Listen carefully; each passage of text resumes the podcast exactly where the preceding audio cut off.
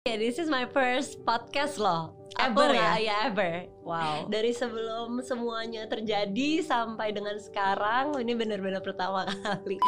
Besoknya nih nanti kalau ada Iya. wartawan yang akan nanya Ah-ah. dan kamera yang akan nyorot, justru Terus di situ gimana? yang gitu. membuat kamu takut gitu kan?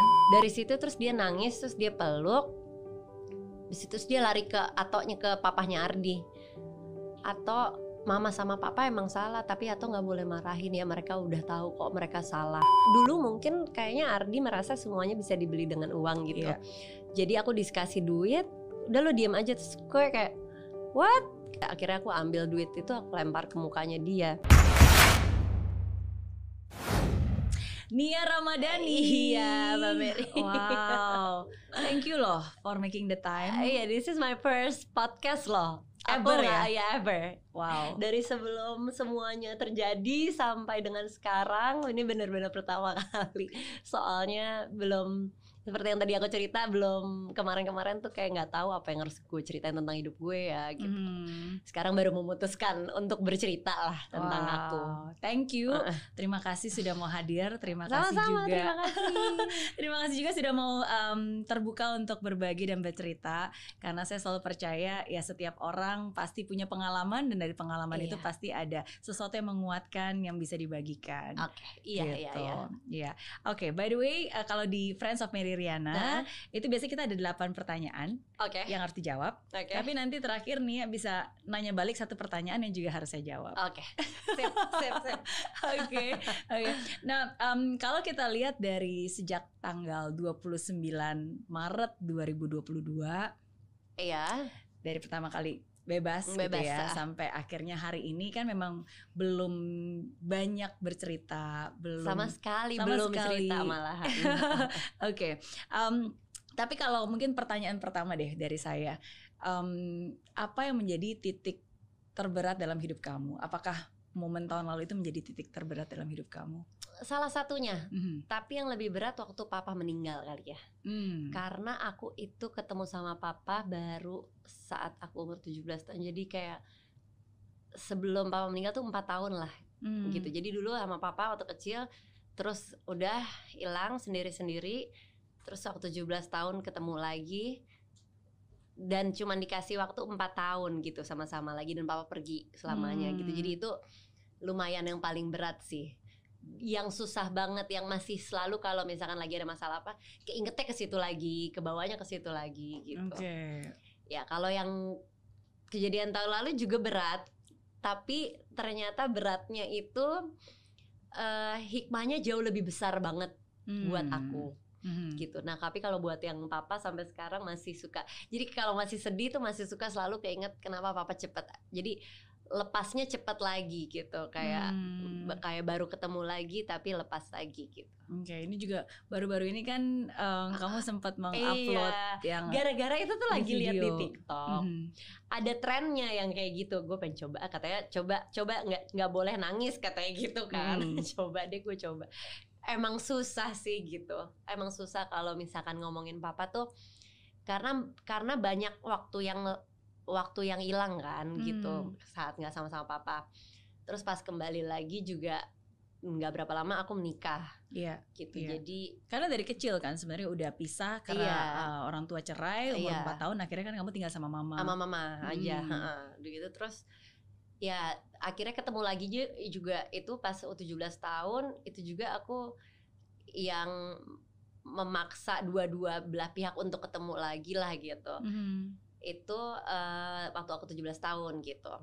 Nah itu sampai sedetail-detail itu aja aku juga ceritain dalam buku aku yang aku pengen aku pengen aku nanti share gitu. Oke, nanti detailnya lebih, Lebih banyak detail. bisa dibaca di situ ya. Oke, tapi berbicara tentang buku em, yang bentar lagi akan rilis, iya. uh, judulnya cerita cerita Ade. adek Oke, Um, it's amazing. Aku baca sipno, sip, Sinopsis. sinopsisnya.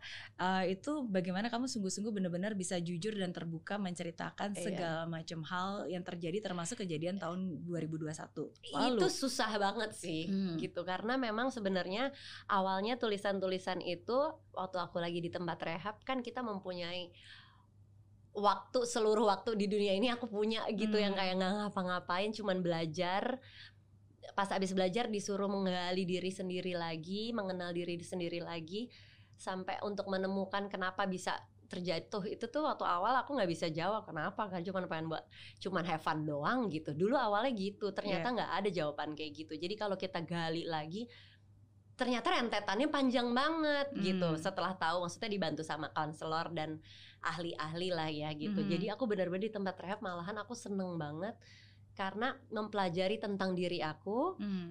terus there's no such a thing yang cuman buat have fun aja Iya. gitu jadi ternyata banyak rentetannya ke belakang nah itulah semua yang akhirnya aku ceritain tulis tapi tulisan aku kan mungkin kurang bagus bahasanya Hmm. akhirnya ya kerjasama lah sama PD baik untuk di lebih maniskan lah gitu Hmm. Oke, aku izin baca sinopsisnya boleh. di awal ya, karena ini yang pertama kali aku baca um, dan itu it strikes me a lot. Um, mungkin aku baca bagian ini aja. Um, sore hari di bulan Juli itu seharusnya menjadi sore yang menenangkan dan menyenangkan untuk Hmm. Ade nikmati bersama ketiga anaknya. Namun tujuh polisi datang untuk menangkap Ade dengan tuduhan penyalahgunaan narkoba. Ah, dunia Ade seketika terasa hancur lebur. Mm-mm. Bagaimana tidak, wajahnya akan muncul di berbagai media massa sebagai pengguna narkoba. iya Um, apa yang pertama kali ada Di di, hari itu. kamu di saat itu? duh itu kayak nggak napak bumi tuh nggak kayak Hmm. jalan juga udah ngambang i- balik lagi karena kan awalnya juga mikirnya cuman ah ini cuma buat fun fun aja lah Hmm, gitu Menggunakan narkoba itu Menggunakan ya. narkoba. Hmm. fun fun aja yang aku pikir cuman pikiran aku cetek di situ aja gitu. Tiba-tiba kok jadi terus ada polisi. Dari situ langsung bayangan muka mama aku udah di otak nih. Gue Hmm. takut dia either stroke atau Hmm. either dia jantung dia denger gue kayak gini. Nggak ngerti harus apa.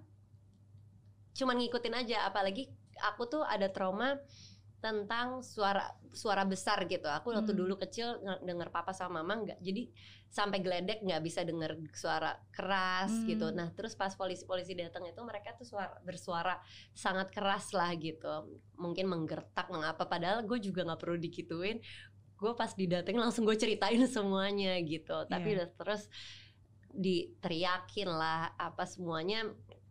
Ya akhirnya udah aku ceritain semuanya di situ Eh, rasanya seperti apa?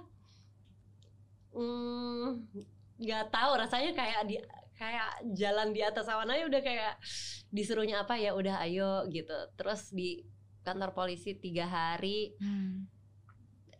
tidur ya gitu-gitu aja tidurnya di sofa juga gitu. Ya tapi setelah Ardi datang ternyata bisa lebih kuat lah gitu Iya. karena nggak sendiri kan gitu waktu pertama kan aku masih sendiri dalam be- dalam beberapa jam lah gitu Dan kamu lumayan. langsung telepon ya. telepon tapi nggak bisa nggak bisa nggak diangkat Hmm. Terus telepon aku diambil karena katanya takut takut telepon siapa aku nggak tahu Oke. deh gimana. Pokoknya handphone aku disita lah, disita negara akhirnya. Jadi menunggu tanpa ada kepastian aja gitu Hmm. sendirian gitu. Ini gue ngapain habis ini gimana nih gitu. Ya tapi pas Ardi datang terus aku nangis, start gimana nih kita jadi kayak gini. Gak apa-apa kita jalanin berdua ya gitu. Ya Hmm. udah dengan dia ngomong kayak gitu, kok gue lebih tenang ya. Malahan di buku juga aku ceritain malahan selama ini hubungan aku sama Ardi yang yang aku berasanya kayak sendiri-sendiri Ya lo survive sendiri gue survive sendiri di saat itu malah kayak bisa ngelebur lebih satu gitu Hmm.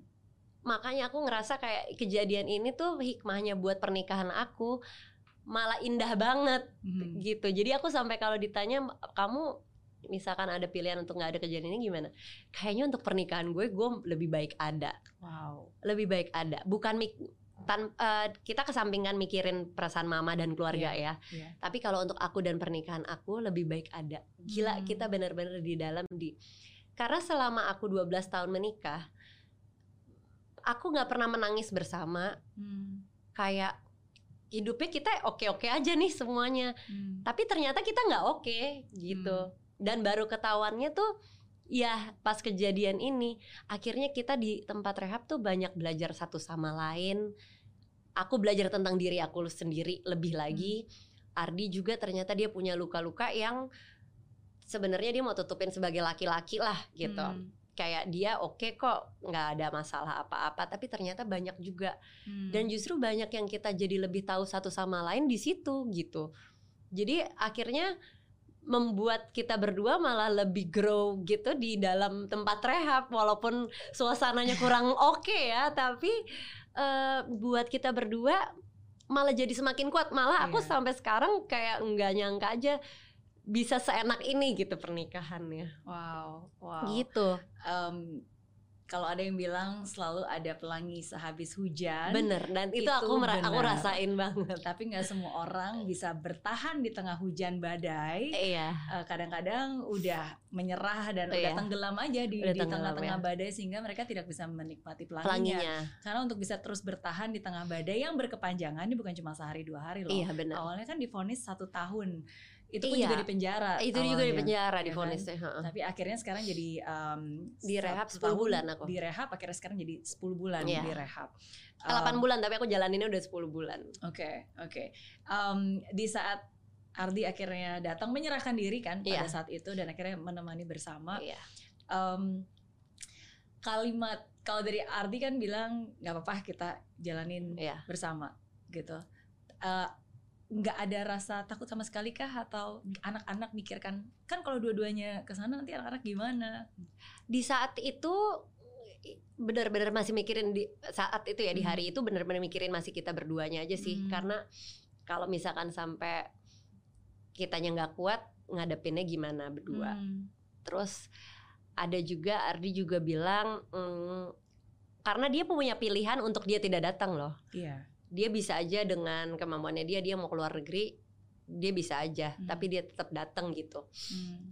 terus aku nanya kenapa kamu kok da, kok kamu un- untung kamu datang aku bilang gitu terus dia bilang ya pastilah aku datang gitu aku juga lebih milih hidup sama kamu pokoknya Oh. dengan masalah ini daripada di luar tanpa masalah Hmm. apa-apa gitu jadi dari situ aku semakin yakin kalau kita berdua bisa Hmm. dari setelah di hari-hari tiga hari kantor polisi itu kita udah lumayan oke nih menerima ini adalah keadaannya begini baru deh mulai mikir orang tua Hmm. anak yang nggak bisa diselesain juga emang Iya. harus dihadepin aja gitu Iya. dan itu baru bisa dihadepin setelah aku aku di rehab baru bisa ketemu Hmm. jadi berapa lama itu oh tapi aku eh, di malam pertama aku pinjam handphone Ardi kan handphone aku diambil kan Hmm. aku pinjam handphone Ardi terus aku cuman ngecek mama aku aja mah ini adek aku bilang gitu aku cuman tunggu jawabannya dia aku cuman gitu doang mah ini adek udah gitu terus dia bilang adek adek jangan lupa makan ya mama di menteng jagain cucu-cucu Hmm. ya udah dia udah tahu artinya dia udah tahu dan dia nggak mau apa-apa lagi dia cuman ngomong gitu oh iya oke mah gitu. ya udah Hmm. dari situ aku ya udah at least nyokap gue udah ya aku lebih tenang lah dengar mama kayak gitu Iya. Dan selebihnya nanti dijalanin aja satu persatu ntar saatnya ketemu anak-anak gimana ngomongnya saatnya ketemu mertua gimana ngomongnya Iya. gitu Karena walaupun memang sulit dan harus dijalankan berdua, Ya. tapi sebenarnya banyak orang-orang yang sangat sayang dan sebenarnya menjaga kamu dan Bener. mensupport aku kamu. tuh setelah kejadian ini banyak banget deh hikmahnya aku malah kayak baru tahu support system aku kuat banget ya kalau saat aku nggak ada mereka langsung ada kayak formasi sendiri untuk menjaga anak-anak aku Iya. menjaga semuanya dan itu it goes kayak kayak langsung begitu aja gitu Iya. aku pas aku ngeliat gila alhamdulillah ya aku punya support system seperti ini gitu terus juga eh, aku ternyata mempunyai keluarga keluarganya Ardi lah ya Hmm. gitu yang ternyata sayang banget sama aku Hmm. mungkin dari dulu mereka sayangnya sama aku cuman pas lagi kejadian ini kayak lagi makin berasa gitu Baru disadari baru ya. kayak disadari Iya. gila ya gue disayang banget ya Tuhan gitu makasih gitu gitu Oke, Em, ketika melewati proses itu eh, kamu sempat bilang dan kamu sempat cerita juga di bukunya bahwa em, sebenarnya akar permasalahannya tuh kan narkoba, tapi narkoba itu bukan hanya sekedar iseng-iseng aja, Ya. tapi sebenarnya itu adalah awalnya solusi dari berbagai macam ya masalah yang sebenarnya pernah terjadi dan Iya. sebenarnya itu bukan solusi. iya sebenarnya Uh-uh. itu adalah output dari ketidaktahuan aku Hmm. dalam berkomunikasi lebih baik Hmm. gitu jadi ada jalan pintas yang membuat aku untuk merasa lebih numb lebih lebih oke oke gitu Every- everything is okay nggak ada masalah apa-apa jalan pintasnya ke situ Hmm. gitu. Padahal kalau aku bisa mengkomunikasikan apa yang aku rasa, terus aku bisa mempunyai kemampuan untuk berkomunikasi lebih baik, mungkin sebenarnya nggak Ya. perlu sampai ke situ gitu. Nah itu juga aku ceritain juga sih di situ karena perjalanannya karena di awal aku bilang bu, cuman buat have fun, terus konselornya mancingnya berarti hidup kamu nggak ada fun-funnya ya tanpa itu gitu. Bentar dulu ya, gitu aja baru mikir, hmm, ya juga kenapa ya gitu. Dan baru dari situ digali lah, eh, digali lah gitu. Oke, jadi pada s- di saat kapan akhirnya konselor mulai datang dan membantu proses Di- rehabnya? Oh dari awal masuk rehab, Oh, Oke. iya dari awal. Jadi dalam enam bulan pertama itu banyak banget yang aku pelajarin Mhm. dan aku seneng banget tiap kali dapat tiap kali ada jadwal kelas tuh kes, kayak semangat karena bener-bener Oke. aku pengen tahu pada saat ditanya gitu karena aku kayak jawaban aku cuman di permukaan doang gitu nggak Hmm. nggak ada nggak ada dalamnya sama sekali tapi setelah akhirnya tapi banyak gitu prosesnya banyak. Karena dari awal kan kita pasti nutup diri dulu. Iya. nggak mau bilang apa-apa kayak mau bilang waktu ke- kecil kenapa kecil? Oke-oke aja gitu. Nah tapi seiring berjalan waktu lama-lama lumayan lebih kenal sama konselornya. Hmm. lumayan mau lebih menggali lagi apa-apa apa. Dan mau dan apa namanya eh, mem- memperbolehkan diri untuk cerita hal-hal buruk dari dulu lah gitu Oke. itu yang paling susah sih karena sebelumnya kan nggak nggak pengen kelihatan ada apa-apa gitu Hmm. tapi ternyata untuk menemukan apa jawabannya lah gitu ya kita harus memperbolehkan diri untuk ya udah nggak apa-apa nih ya kalau misalkan manusia emang banyak celahnya nggak apa-apa di share aja mungkin nanti dari sini bisa ketahuan gitu kenapa Iya. gitu Iya, ya it- itu satu hal yang saya selalu percaya sih Hmm. bahwa em, sebuah perubahan itu berawal dari kesadaran, Mm-mm. tapi sebuah kesadaran itu berawal dari kejujuran. iya Jadi hanya dengan kita jujur, Jujur. kita jadi sadar. iya Kalau kita sadar baru deh kita bisa berubah. Iya. Iya. karena kalau awalnya kita nggak memperbolehkan diri kayak untuk mengizinkan lah, Hmm. ayo Nia eh, buka yang dulu-dulu ada apa, ada apa, ada apa, nggak bakalan ketahuan tuh sampai sekarang Hmm. gitu. Apa yang paling diingat dari masa kecil? Yang paling diingat dari masa kecil aku sepi sih, karena kalau dulu mama papa jarang ada di rumah kan, paling kakak Dika, kakak Hmm. aku, kakak Dika, kakak cowok. Em, Sebenarnya nggak kakak kandung, tapi papa dulu sebelumnya sudah sempat menikah, Hmm. Terus punya anak kakak Dika dan waktu menikah sama mama kakak Dika tinggal sama aku gitu. Jadi Hmm. dari lahir emang udah ada kakak Dika. Dia sih kesenangan aku di dia gitu. Jadi cuman main sama dia. Kalau selebihnya papa mama banyak kan cerita lukanya lah gitu di waktu masa masa kecil dibandingkan bahagianya gitu. Hmm, Karena kan di usia yang sangat muda yang nggak ngerti apa-apa, tapi kan Iya. kamu Makanya aku aku melihat tuh baru mulai ngomong tuh umur bertengkar. 4 tahun. Itu juga baru mama papa karena kayaknya kebanyakan trauma gitu. Mhm. Jadi nggak ngomong-ngomong, jadi kayak diem aja nggak ngerti. Kalau misalkan aku seneng, aku harus ngomong apa atau aku nggak suka sama situasi ini, aku harus ngomong apa. Jadi semua- semuanya diem gitu. Hmm. Dan itu kebawa terus sampai sekarang. A- Apa yang membuat seorang Nia yang berusia 4 tahun trauma pada saat itu? Ketidakharmonisan aja kali ya di rumah ya, dan Hmm. komunikasi yang tidak sehat kali ya. Tapi dulu sih nggak ngerti, dulu mah iya iya ya jalanin Masih aja. SD kan sekolahnya iya, belum berarti iya, kan? makanya cuman ya Oke. jalanin aja. Kalau sekarang setelah belajar semuanya, maksudnya udah tahu kalau ketidak ya ya alhamdulillahnya juga aku belajar semuanya terus akhirnya aku membuat rumah aku menjadi ya rumah aku yang Hmm. sekarang bersama anak-anak aku menjadi rumah yang eh, sehat gitu Iya. Nggak mau sampai anak-anak aku misalkan dia mau mengutarakan perasaannya tapi dia nggak tahu cara ngomongnya sama orang tuanya atau enggak Hmm. baru mau ngomong udah di-cut duluan karena orang tuanya banyak urusan gitu. Mhm. Jadi ba- jadi banyak pelajaran yang akhirnya aku bisa tuangkan dalam rumah tangga aku yang, sekarang. Oke, karena kalau berbicara tentang masa kecil kamu, Mm-mm. sebenarnya kan dari SD pun kamu juga sudah berkarya, Iya, udah dari- kerja. dari umur 9 tahun 9 tahun. Oke. Iya. 9 tahun. Oh gitu aku sampai nge-search beneran loh. Oh, Soalnya iya? kan ada yang bilang katanya kamu eh, ada di video klip Trio Kwek Kwek. Iya, ada nggak? Udah lihat belum? aku kan dulu waktu kecil nontonnya Trio Kwek Kwek kan iya yang, ku, lagunya. yang ini ku Ku takut mama gue marah itu ada aku Terus aku "Hah, masa sih gitu kan Terus aku lihat-lihat lihat yang mana ya Terus aku nebak-nebak yang mana pakai baju ya hijau ada aku Oh, oke oke itu terus udah gitu ada juga eh, Cindy Senora tahu nggak dulu aku cinta rupiah Oh iya nah itu aku juga ada di belakangnya coba lihat lagi deh Iya iya, Ya, aku aku jadi kayak ada. ngeliatin lagi. Eh ada loh ternyata.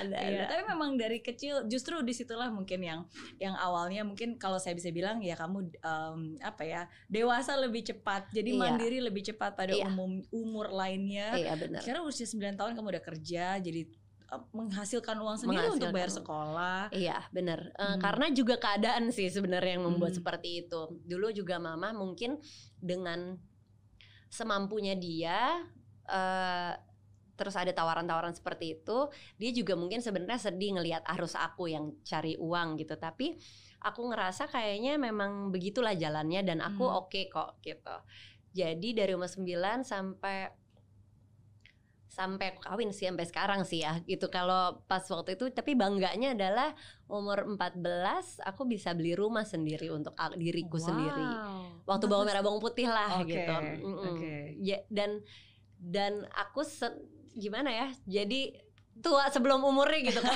Kayak Dewasa, dewasa dewasa dewasa, sebelum sebelum, umurnya. umurnya Masih gitu. awet muda, mami mami muda.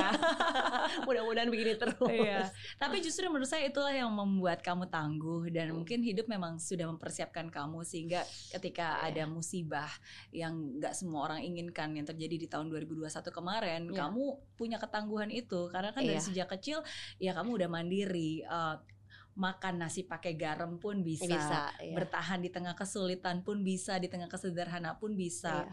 Em, nggak punya temen di saat iya sekolah pun Iya. karena eh, waktunya kan memang nggak Iya, ada heeh, buat sekolah Nggak dan ada pulang main-main sekolah kan. yang buat main tuh nggak ada Iya. gitu Ya, tapi itu membentuk Nia Ramadhani menjadi wanita yang tangguh dan mandiri iya insya Allah kuat lah dan kuat. Heeh. Oke. Dari begitu banyak pencapaian em, apa pencapaian terbesar kamu yang membuat kamu bangga?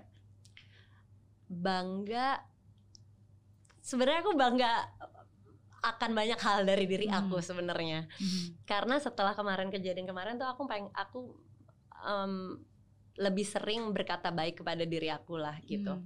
karena aku udah memaafkan waktu itu aku berbuat salah terus jadi ke sini sini bangga banyak sih aku mempunyai anak yang pas tahu kejadian kemarin dia tetap bisa dewasa nanggepinnya Hmm.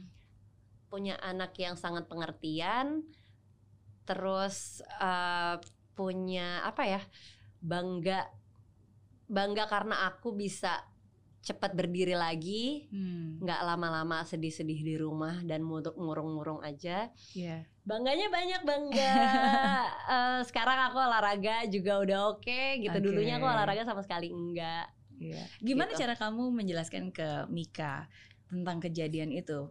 Saat itu kan dia masih Jadi- 9 tahun. Mhm.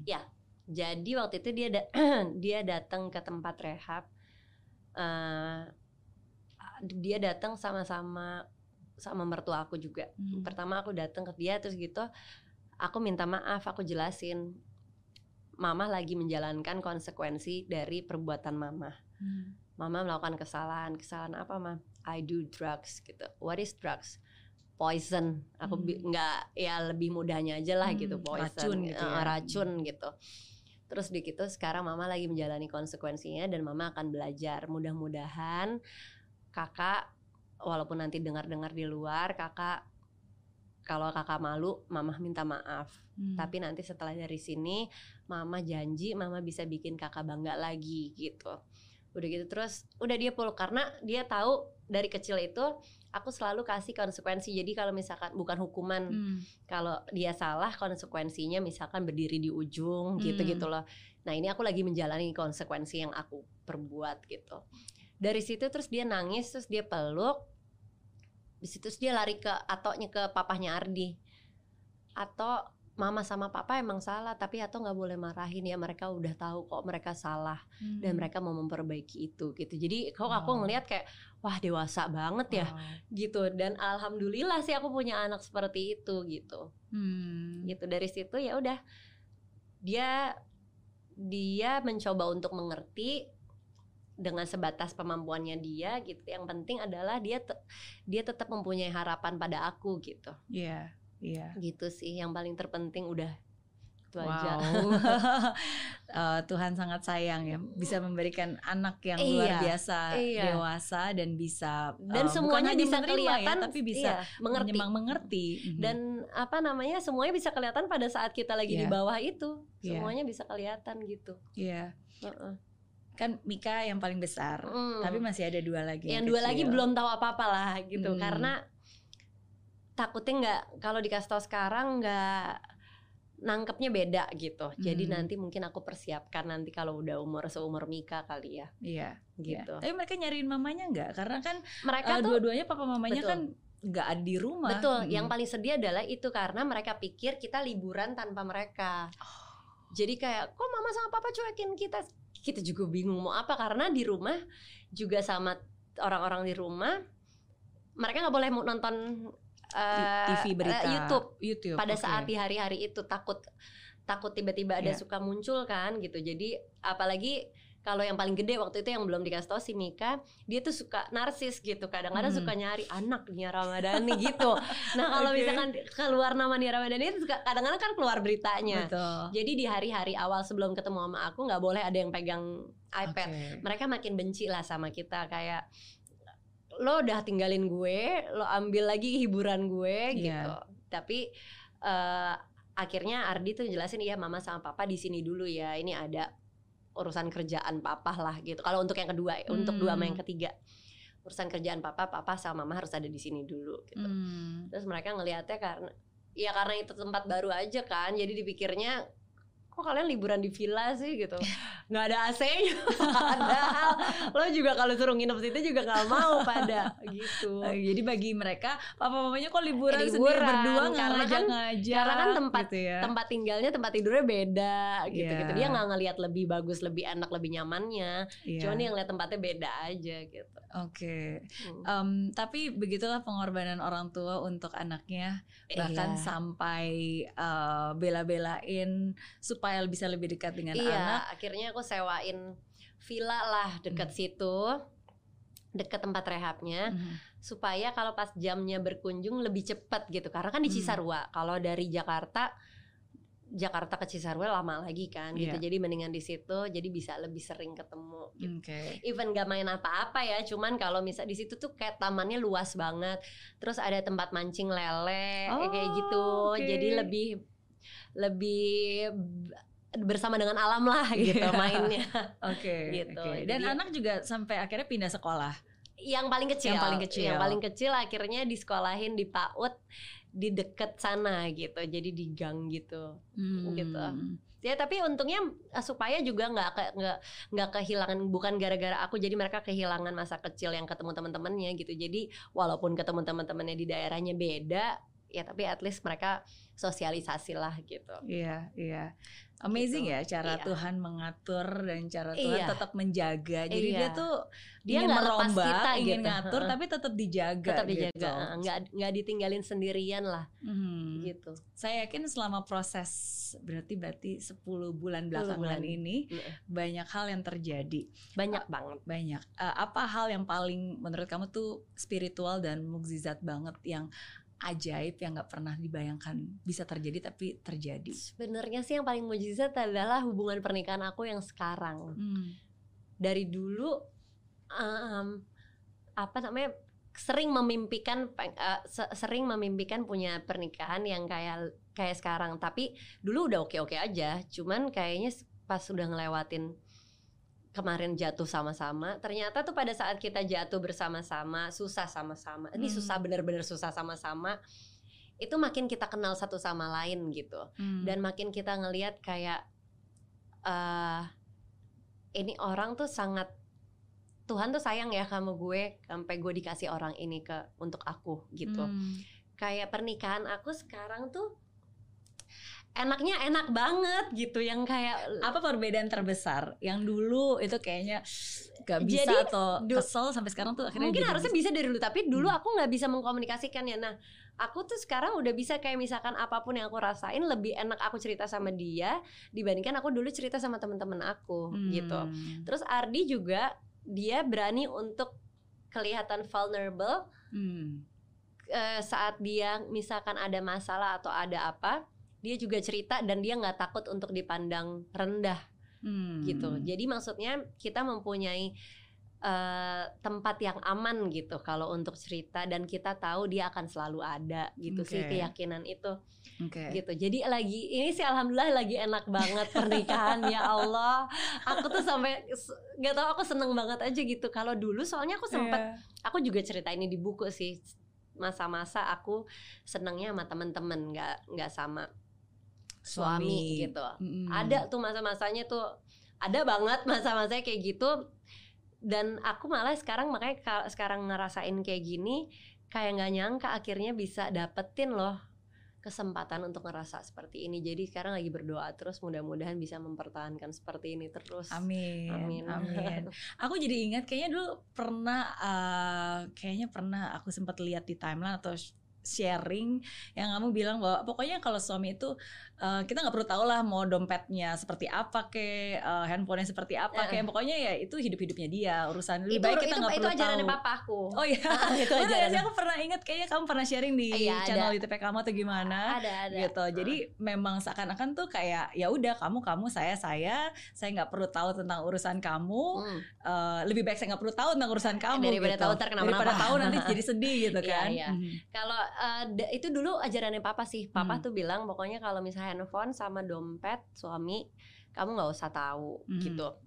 Eh, karena kadang-kadang kayak misalkan kalau kita lagi kesel aja tiba-tiba dia cuma whatsappan sama temennya dia yang cewek tapi lo bisa mulai aneh-aneh karena misalkan keadaan rumah atau Hmm. tangga lo lagi lagi kurang baik gitu jadi gak usah cari-cari penyakit gitu Iya. ya udah dan itu sih sampai sekarang sih aku juga nggak pengen tahu tapi kalau misalkan dia cerita sesuatu ya oke gitu tapi aku Oke. emang nggak mau mencari tahu sesuatu yang aku tidak di share lah gitu Iya, iya, betul. lebih enakan betul. kayak gitu juga kan Hmm, Tapi sekarang mungkin yang berbeda ya lebih terbuka satu sama Sekarang lain lah. Mhm. sekarang tuh merasakan udah pernah susah sama-sama Iya. terus udah gitu bisa menceritakan segala macam hal eh, yang aku resahkan bisa mengkomunikasikannya gitu Hmm. jadi dulu tuh banyak banget aku pendem-pendem yang kayak oke I'm okay I'm okay gitu sedangkan tiba-tiba yang aku pikir aku bisa handle semua sendiri ternyata Hmm. enggak gitu Iya, dan sebaliknya ya. Sometimes iya dia kadang-kadang kan juga karena laki-laki biasanya kan kayak nggak mau kelihatan rapuh. Nggak mau kelihatan rapuh, nggak mau kelihatan lemah, gue oke kok gitu. Iya. Karena mungkin dia ada sedikit ketidakamanan, mungkin dia pikir kalau dia cerita aku akan mandang rendah, mungkin ada kayak gitunya. Hmm. Tapi ternyata pas sudah dijalanin toh enggak gitu. Ketika rehab itu berarti eh, terpisah atau sebenarnya bareng-bareng? Ah, bareng-bareng. Kalau se- yang lain pada terpisah, tapi kalau karena suami istri jadi nggak dipisah karena kan masih harus bersama-sama lah ada. Dan berarti saat proses counselingnya pun juga. Oh enggak, itu ada Oh, itu pisah-pisahnya. pisah-pisahnya. Ada, ada yang Oke. kayak cuman Ardi doang karena Ardi lebih lama lagi untuk terbukanya. Iya. gitu aku lebih cepat Ardi tuh kayak enggak gue oke oke aja Iya. gitu yang kayak masih masih tetap bertahan dengan dia fine. eh, gitu dan dia lebih lama lebih lama akhirnya sendiri sendiri sendiri dulu akhirnya pas udah terbuka semuanya aduh ya Allah enak banget Iya. gitu Ya, sometimes kadang-kadang ketika um, orang patah hati atau terluka, sometimes kan uh, people say it's broken heart ya. Iya. Maksudnya dengan segala macam kejadian broken heart itu kan bukan hanya tentang cinta ya, Iya, tapi iya, tentang iya. hidup. Ya, tapi sering kali ya in that brokenness justru ya kesempatan untuk bisa masuk kan. Iya, Kalau bener. kalau utuh Kalau aja dan itu, tutup heeh. rapat nggak siapa pun juga iya. nggak akan bisa Iya, iya, masuk kan. bener, Orang bener. lain nggak bisa masuk, Tuhan nggak bisa masuk. Iya, tapi bener. justru ketika remuk sedikit ya nggak hancur, tapi ya Ya bahkan Iya. hancur pun sering kali is fine. Sometimes kan han- kehancuran itu Iya. proses awal dari pembentukan ulang kan. iya bener-bener banget Gitu. bener banget Heeh. Tapi ya tetap aja remuknya pasti sa- ada sakitnya ya. sakitnya banget sakitnya sih gila Gila. Tapi Sakitnya gila. tetap bisa berproses dan Iya. itu mukjizat. kita aku juga selalu bilang sama Ardi kita harus Mm. selalu inget nih kalau misalkan udah mulai mm, hambar atau bosan Mm. atau gimana kita harus lihat perjuangan kita kita tuh kuat loh bisa sampai sekarang gitu Hmm. karena mungkin nggak banyak juga kalau yang kemarin kejadian si di pernikahan orang mungkin ada yang saling ninggalin malah Iya. malah waktu kemarin kita kejadian ada yang gosipin kita sa- apa namanya malah ma- bercerai Iya, itu Nah, itu, itu lebih- benar nggak Karena ada yang tahu. bilang kamu menggugat cerai. Iya itu enggak sih, untung enggak. Tapi kalau udah sampai bercerai, gila benar-benar sendiri sih aku nggak tahu sih gimana. Hmm. Kalau itu kemarin tuh benar bisa kuatnya tuh karena saling nguatin. Oke. Tiba-tiba selagi lagi kita lagi kuat-kuatnya gitu ada gosipnya kita, aku segera gugat cerai. Terus begitu dari kayak pengadilannya nelfon kan lagi waktu itu baru Iya. mau pengadilan. Ini bener nggak gitu? Apalagi, apalagi sih udah kali ngomonginnya gitu. Oke, Eh, Gitu. ini pertanyaan kelima, nggak nyangka ya tadi udah udah Oh, udah, benar-benar udah, ke- udah, udah, kelima. Jadi kalau berbicara tentang eh, asumsi, kayak tadi kan, wah orang bilang ini gugat cerai ini dan seterusnya. Hmm. Saya yakin pasti banyak banget orang tuh selalu berasumsi-asumsi yang tidak benar, yang salah Iya. terhadap kamu. Jadi apa asumsi terbesar yang orang pernah punya terhadap kamu dan itu sebenarnya salah banget. Menjadi Nia Ramadhani itu gampang. Ah, Kalau dulu kan soalnya sering kan kayak enak lah jadi mendingan jadi Nia aja gitu. Ntar ntar udah kawin nyari kayak Ardi. Terus udah gitu udah tinggal happy happy gitu. Hmm. Tapi kan di dalam ya alhamdulillah orang liatnya kayak gitu happy happy aja. Cuman di dalamnya kan banyak perjuangan untuk bisa Hmm. tetap sama-sama. Banyak perjuangan yang harus dilakukan lah gitu untuk Oke. mempertahankan rumah tangga itu. susahnya apa jadi istri anak konglomerat? susahnya anak konglomeratnya ternyata sih surprisingly nggak terlalu susah untuk Oke. masuk ke situnya karena aku mm, orangnya apa ya apa adanya dan nggak nggak malu dan nggak gengsi gitu Oke. kayak kalau misalkan emang gue ya tahu lo lebih kaya ya bodo amat juga sih gitu Suka dukanya suka gitu. dukanya Hmm. Lebih bukan kayak sama anak konglomerat ya cuman emang menjalani pernikahannya itu emang susah Hmm. gitu apalagi ter, misalkan Ardi kan sudah terbentuk menjadi laki-laki yang yang dulunya dia nggak mau cerita tentang lemahnya dia lah gitu Hmm. jadi makin susah untuk masuk untuk lebih mengenalnya gitu tapi sekarang semua itu sih udah udah alhamdulillah udah dilewatin mbak Iya. udah sekarang sih alhamdulillah lagi enak-enaknya asal jangan lagi enak-enak kayak gini ntar ada apa-apa lagi mudah-mudahan mudah-mudahan tetap kuat Tetap- lah gitu tetap kuat dan tetap terjaga lah. iya amin Iya, amin, amin.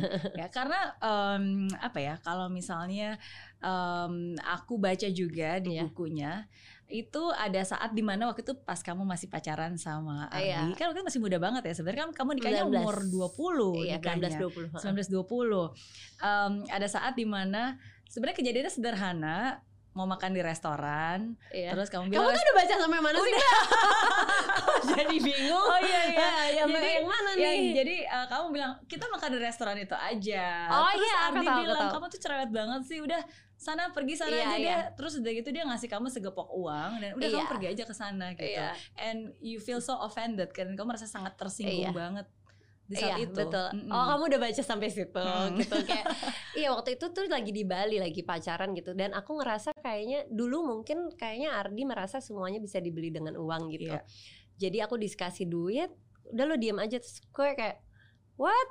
Gue juga soalnya punya duit gitu. Iya. Maksudnya akhirnya aku ambil duit itu aku lempar ke mukanya dia. Hmm. nggak bisa lo kayak giniin orang gitu terus gitu aku diemin udah dari situ dia mulai ya mungkin juga dia ter tersadarkan lah gitu mungkin selama ini perempuan perempuan perempuan yang di sampingnya dia bisa begitu Hmm. gitu maksudnya kalau dengan uang semua lebih mudah Iya. gitu tapi menurut aku kalau memperlakukan aku seorang aku tidak bisa begitu karena tiap orang aku punya harga diri juga Iya. gitu Dan kamu sangat mandiri pada saat itu kan kamu Iya. sudah menghasilkan uang sendiri Ah dulu sih sebenarnya. aku gak butuh laki-laki aku, aku udah tinggal ke luar negeri ke luar negeri asal Iya. langsung pergi udah punya rumah, Udah, udah. enak gitu udah kan. udah udah gitu Mm-mm. jadi makanya waktu digituin ya lu apaan nih gitu Hmm. gitu Oke. iya Jadi itu sih mungkin orang berpikir bahwa em, Iya. uang itu segalanya, uang Iya. maksudnya mungkin banyak juga orang yang berpikir wah enak banget nih kamu nikah sama anak Mm-mm. konglomerat karena mungkin ya uang em, adalah segalanya uangnya gitu ada ya segalanya dan gampang aja gitu dapat uang Iya, gitu iya. kan. Mm-mm. sebenarnya uang bukan segalanya cuman mungkin uang bisa membantu kalau misalkan kita lagi banyak masalah gitu-gitu masalah itu nggak akan selesai dengan uang gitu Betul, cuman mungkin betul. uang bisa membantu untuk sedikit apa ya uh, seneng-seneng dikit deh jalan belanja-belanja dikit apa tapi pas sampai rumah masalahnya masih ada masih ada Betul. gitu jadi nggak sih nggak bisa selesaiin masalah dengan uang Betul betul. Maka tapi ada yang bilang lebih baik nangis di Ferrari daripada nangis di bajai. Iya, at least bisa apa pakai make up sebenarnya ini ya air mata ya. Iya. Tapi tapi memang maksudnya kita nggak bisa pungkiri bahwa um, ya uang mempengaruhi banyak hal dalam hidup. Iya betul, kayak misalkan masalah kesehatan, masalah Iya. pendidikan itu juga kan bisa mempengaruhi kan dari uang gitu. Kayak misalkan mau sekolahin anak tinggi-tinggi, kayak dulu aku nggak punya kesempatan untuk sekolah tinggi, Hmm, masih untung aja selesai SMA hmm, gitu. Karena dulu kan harus selesai apa namanya, harus cari uang sendiri Betul. gitu. Jadi capek gitu, kayak malam cari duit, pagi suruh sekolah lagi. Jadi nggak Iya. nggak nggak bisa diharapkan untuk fokus dan dan berperingkat dan lain-lain gitu. Karena benar. Itu aja empot-empotan dari rumah tuh aku tuh dulu naik angkutan umum panjang banget mbak dari 61 jadi 61 nyampe ke Pondok Labu naik D02 nyampe Mikrolet ya. iya Metro Mini. Metro, ah, gitu terus nyampe ke stadion Lebak Bulus naik Metro Mini lagi ke Bundaran Hmm. Pondok Indah Ja- jadi aku tiap pagi kayak aduh capek banget gitu kayak mau ngejalaninnya kan apa capek gitu ke Iya. sekolah ya tapi kalau aku ada uang dulu mungkin aku bisa sekolah lebih tinggi Betul. gitu jadi maksudnya uang memang memang mempengaruhi lah pendidikan kesehatan Membuka lebih banyak kesempatan iya juga. gitu ya. jadi sekarang aku punya anak ya pengen banget disekolahin di tempat yang bagus Oke. gitu Terus gimana caranya mendidik anak? Karena kan sekarang buat anak-anak kamu udah everything kalau banyak orang bilang is already very privileged kan. Gak Iya. kurang uang, gak kurang kasih sayang, segalanya pun juga Iya, ada. tapi tapi tetap sih eh, waktu itu mereka udah sempat ada di masanya eh, semuanya gampang gitu. Mhm. Nah, dari situ aku udah mulai kesel tuh kayak gitu karena aku kan tidak tumbuh dengan privilege seperti itulah gitu. Akhirnya dari situ udah mulai aku hitung-hitung pokoknya kayak you have to earn it gitu. Kamu Hmm. abis apa di sekolah misalkan abis yang bagus nilainya baru bisa beli mainan. Hmm. Karena kalau enggak tiba-tiba mereka beli beli beli beli terus mereka nggak ada usahanya kan kayaknya Iya. hidup udah enak-enak aja nih gitu. Ya walaupun aku berdoa terus mereka hidupnya akan enak sampai nanti tua ya nggak perlu sampai sesusah aku gitu. Betul. Tapi tetap nggak boleh sampai kayak menggampangkan lah Iya. gitu. ya, sangat setuju. Mm-mm. Dan kalau tadi em, ketika kamu menceritakan tentang responnya Mika dari situ aja saya bisa melihat bahwa banyak hal baik yang sudah dididik eh, oleh kamu gitu kepada Iya, anak-anak kamu. Maksudnya Amin. ketika anak itu saja sudah mengerti bahwa oh ada perbuatan ada konsekuensi. Berarti Iya. kan sebenarnya di selain hal itu ada banyak ada tanggung Iya. jawab bahwa you have to earn before you you maksudnya You kamu harus you before you get something kan Iya. harus lakukan dulu nih Iya, gitu baru ada heeh. rewardnya Heeh. gitu. Walaupun kadang-kadang juga susah ya. Kadang-kadang eh, kadang kasihan gitu. Kayak kalau misalkan dia udah ngerengek-rengek aduh ini kok sampai susah banget gue pengen beliin harga yang segini gitu. Iya, tapi iya, harus tetap kita tetap harus apa ya berpegang sama prinsip kita kalau misalkan you have to earn it gitu walaupun kadang-kadang kalau udah nangis-nangis sebenarnya kadang-kadang suka kasihan tapi Betul, tetap betul. balik lagi ke prinsip lah gitu Iya. Sama Mm-mm. kita kan sama-sama ibu dari Iya. anak-anak yang masih berproses. iya ha, ha, ha, bener Iya. tapi kamu udah lebih enak udah lebih gede ya Tapi udah kan duluan ya lah. mirip lah, mirip. udah duluan udah Mika duluan berapa 10 tahun 10 berarti ya. tahun. Oke, anakku yang paling besar cewek juga. Cewek juga? 14. yang kedua cowok Yang kedua cowok. oke Yang kedua kan cowok. iya kedua cowok Yang ketiga juga cowok. lebih cepet dewasa yang cewek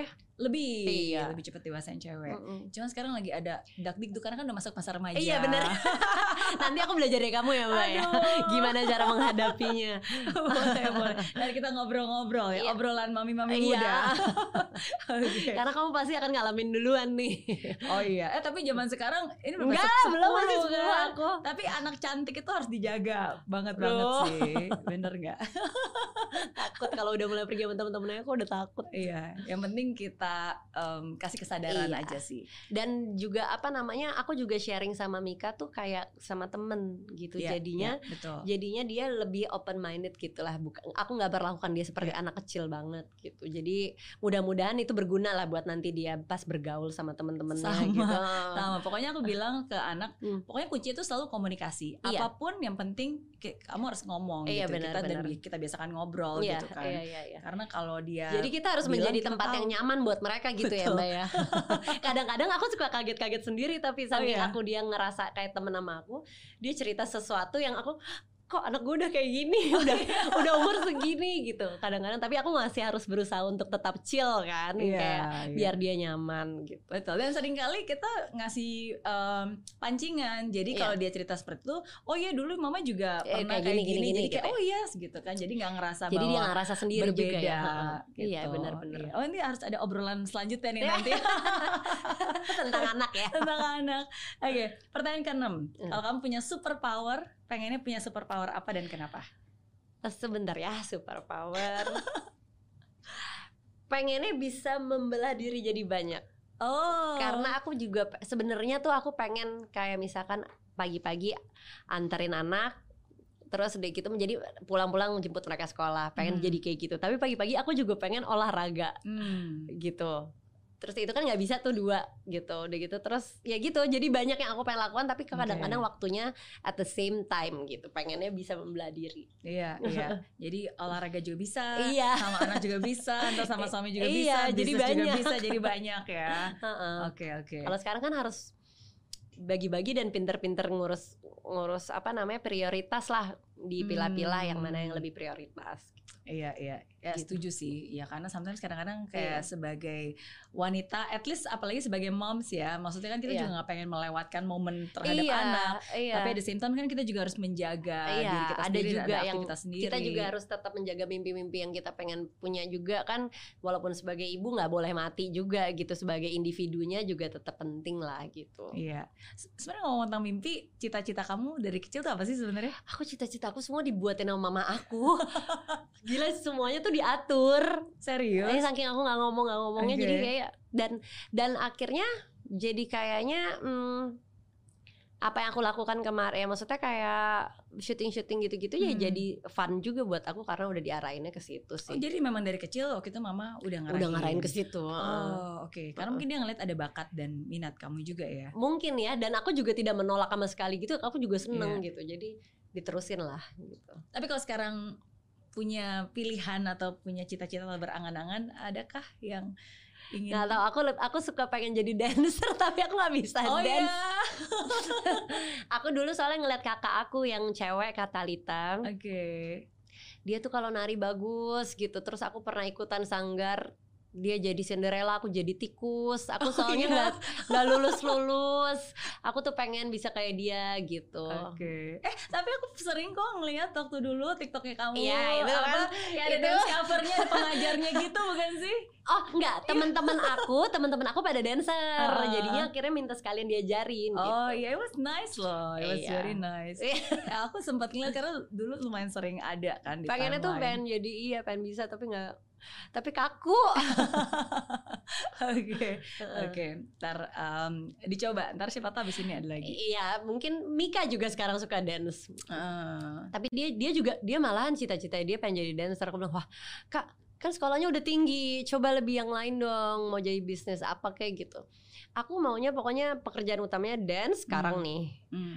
Nanti bisnis bantuin bisnisnya papa ya sambilan aja gitu ya udah deh ntar mungkin Oh. seiring berjalannya waktu berubah berubah Heeh. ntar kita. Tapi buat aku juga dance-nya paling susah sih. Iya, kalau orang karena- kok bisa kayak gampang Iya, dengan gampangnya kamu gitu. gitu-gitu kayak Gak, TikTok banget gak bisa tapi gak bisa Gak bisa Jadi udahlah gak apa-apa ya nggak apa-apa yang Yang penting kan itu kan sebenarnya cuma mengekspresikan diri kita aja gitu kan Bener bener Mm-mm. Oke pertanyaan ketujuh Pilihan tersulit yang pernah kamu buat dalam hidup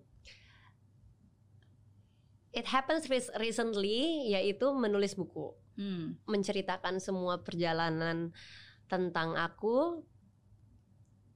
Itu nggak gampang Hmm. gitu. Tapi waktu kemarin akhirnya memutuskan udah deh ini jadiin buku aja. Semua cerita. Sampai sedetail-detailnya dari kecil sampai dengan yang kejadian kemarin lah gitu. Hmm. itu semuanya aku ceritain jadi orang juga bisa karena aku ngerasanya gini kejadian kemarin itu hikmahnya eh, kejadian kemarin itu kayaknya terlalu besar kalau hikmahnya cuma aku rasain sendiri. Iya. Jadi aku pengen juga berguna buat orang lain.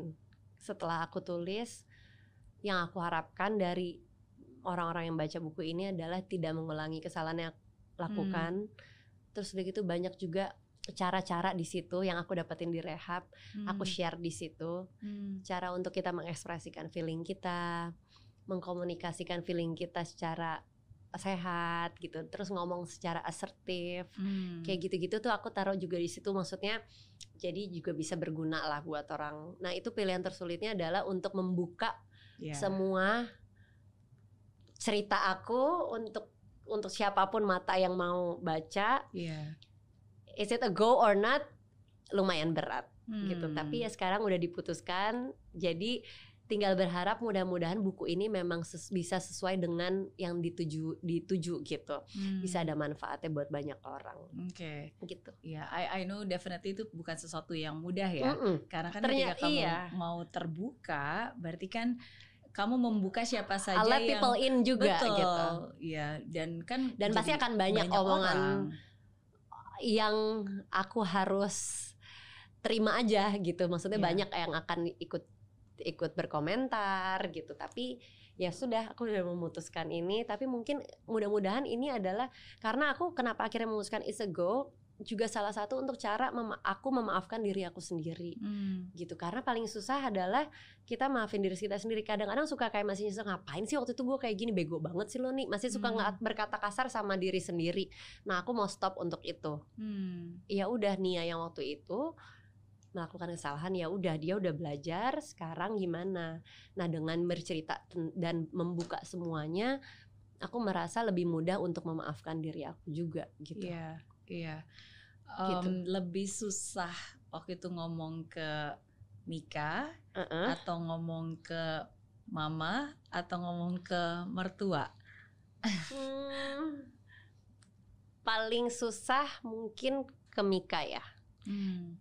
kalau ke mertua udah awalnya udah siap-siap untuk diteriakin Hmm. awalnya udah ya ini bentar lagi dimarahin nih pasti tapi ternyata tanggapannya sama sekali berbeda Hmm. 180 derajat dari apa yang aku perkirakan gitu jadi papa papahnya Ardi malah menunjukkan kasih sayangnya dan Hmm. malah nanya apa yang bisa papa perbuat sampai supaya kalian nggak begini gitulah terus udah gitu em, apa namanya kalian nggak usah takut papa nggak malu Hmm. ini kejadian seperti ini bisa terjadi di pada siapa aja kayak gitu Hmm. jadi aku kayak wah kok malah nggak dimarahin ya gitu malah mereka memeluk aku mama Iya. sama papa tetap sayang sama Nia Mardi gitu Hmm. jadi belum sempet untuk ngomong panjang tapi udah dibilang kayak gitu jadi lebih tenang lah dan lebih karena support system yang sebegitu Iya. kuat akhirnya membuat aku dan Ardi bisa lebih fokus pada diri kita gitu Iya.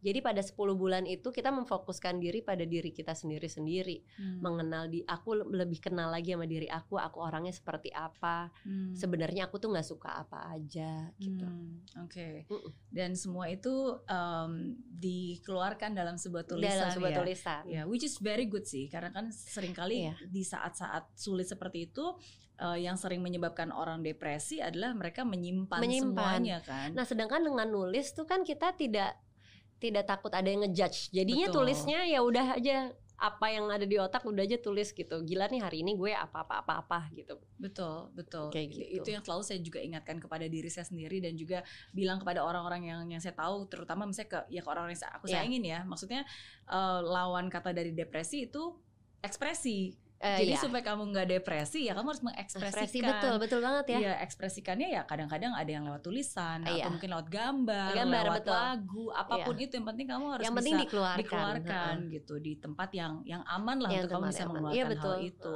Nah itu Iya. aku dulu tuh nggak nggak tidak mengeluarkan semua perasaan aku jadinya ya banyak yang tertumpuk Mhm.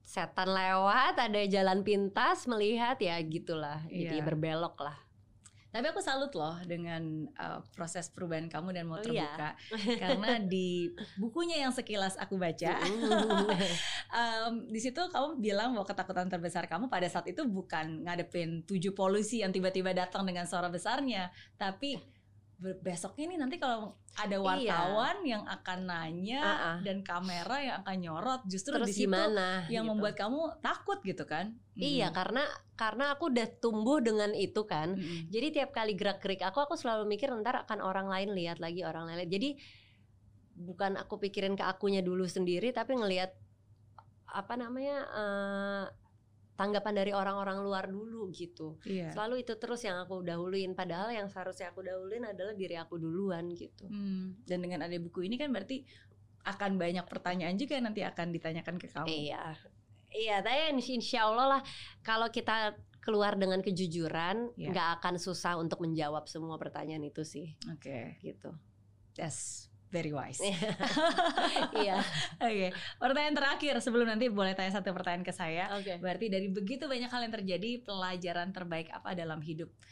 Uh, pelajaran terbaik apa yang hidup ajarkan untuk kamu? Hmm, Tuhan nggak pernah tinggalin kita sendiri. Hmm. Itu sih. Walaupun kita kayaknya pada saat itu aku pas ngadepin kejadian tahun lalu itu, aku tuh mikir gimana gua ketemu orang lagi ya. Iya. Ntar ketemu orang takutnya kayak langsung dilihatnya seperti apa ya, cara ngobrolnya gimana ya.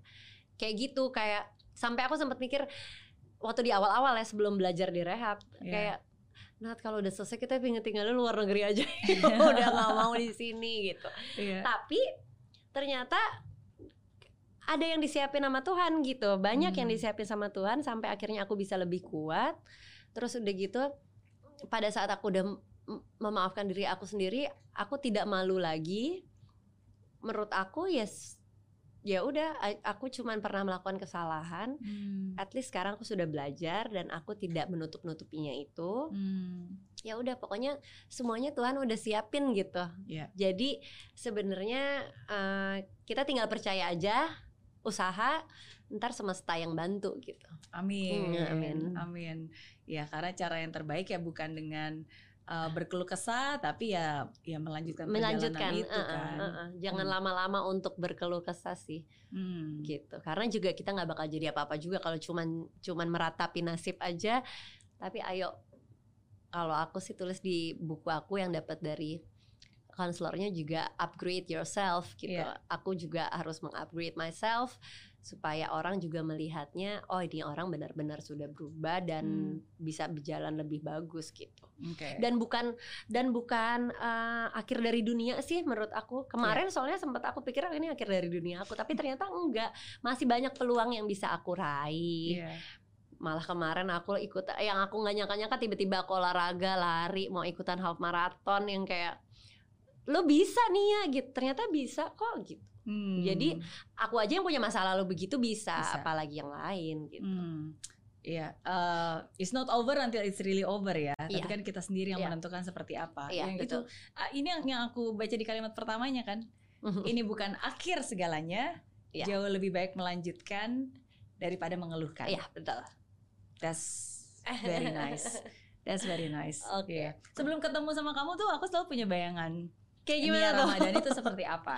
kayak gini nggak Tiga kata yang aku bayangin tentang seorang Nia Ramadhani. Oke. Yang pertama gue deg-degan deh Oh iya, yang pertama itu cantik, ya karena ya udahlah pastilah cantik dari Ah, kecil kan. Yang kedua cerdas, Waduh. karena aku tahu di- ini wanita eh, cerdas karena dari banyak hal yang kamu lakukan dari cara kamu berpikir, um, it's very smart. oke Dan yang ketiga itu tangguh, wow. karena sebelum kejadian yang tahun lalu sebenarnya ada banyak hal yang terjadi Banyak dalam Nia Ramadhani juga kan. Maksudnya Iya. ada saat di mana waktu itu kamu live di televisi terus iya salah baca Iya, dan akhirnya iya. dibully seluruh Indonesia Iya, gitu. iya. But you're very tough gitu. iya Um, tapi hari ini ada satu hal yang aku nggak nyangka. apa Eh, lagi tuh? ternyata itu aku rasakan dan itu aku cukup kaget sih. You're very humble. Oh gitu.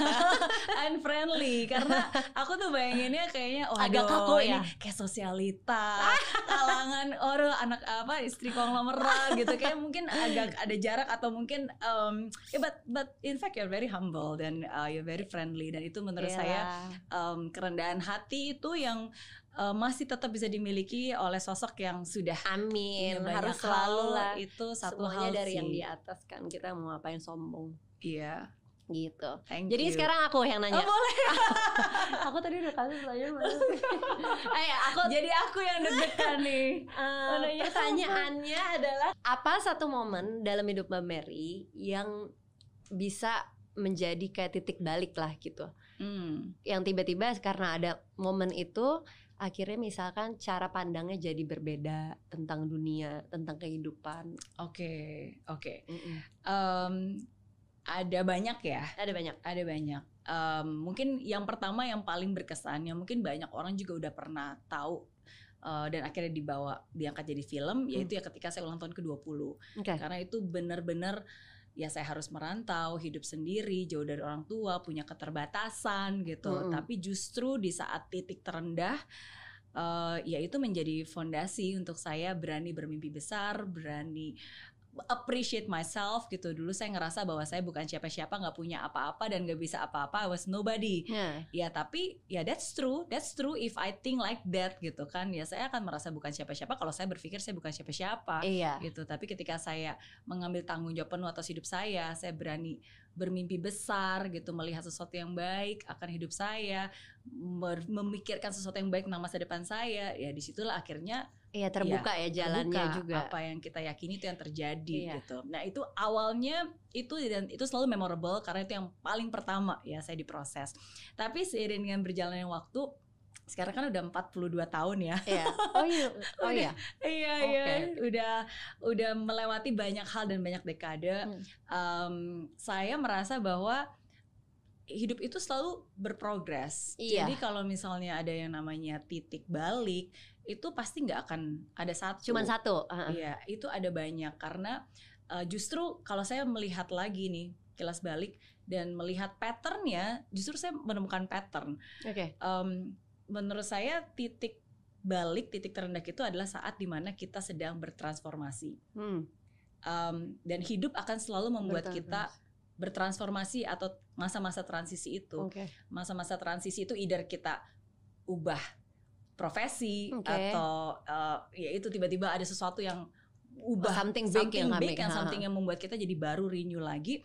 Um, I think sa- saat-saat masa transisi itulah saat di mana kita is the most vulnerable Oke. karena sesuatu yang baru kita nggak ngerti, Nggak ngerti kita nggak tahu dan Hmm. orang menjudge apalagi ketika sebelumnya kita udah someone gitu kan Iya, itu lebih ribet lagi. itu lebih ribet lagi karena kan there's so much attachment Ah, iya. from the past ekspektasi sedangkan kan ini masa baru mulai nih Iya. baru mulai belajar pasti banyak salahnya Iya, benar benar. gitu kan ini banyak banyak ketidaksempurnaannya Iya, benar. tapi kan orang udah tahunya Udah, kita iya, yang udah ah. sukses dan Iya, berhasil benar, dan benar, orang kan ah. pasti kayak lagi ngintip dan ngeliatin nih gitu kan Iya. siap-siap oh kalau jatuh tuh kan Iya, gitu iya, kan iya. jadi menurut saya itu saat-saat paling susah sih when um, saat karena itu saat di mana kita sangat rapuh and vulnerable Oke. Iya, tapi di saat itulah justru em, ketika kita berani Iya. untuk terus terbuka dan Malah ada berjalan, jalannya.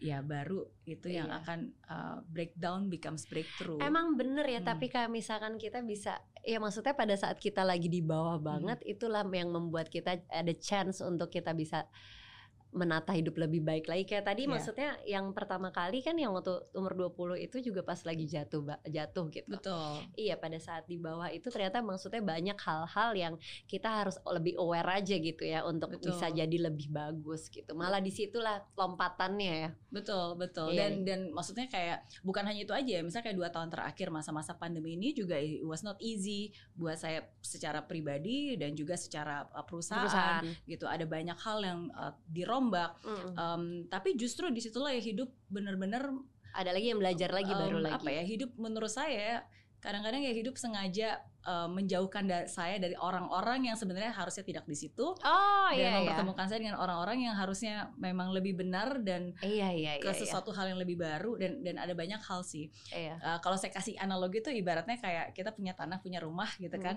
rumah itu kan sering kali butuh renovasi ah. Ah, iya benar. tapi kan ah. sometimes kadang-kadang ketika proses renovasi itu ya ya harus bobol-bobol, Ah, iya, kotor-kotor, penuh debu dulu, ah. gitu. Makanya kadang-kadang kan ditutup supaya under renovation Iya, ya kan, oke. work in progress. Ah. Cuman sekarang bedanya kadang-kadang sebagai public figure ya nggak ditutup. Iya, tutupnya transparan gitu, work in progress. Jadi orang yang bisa "Ih, lihat." kok kayak gini sih, Iya. ya kan?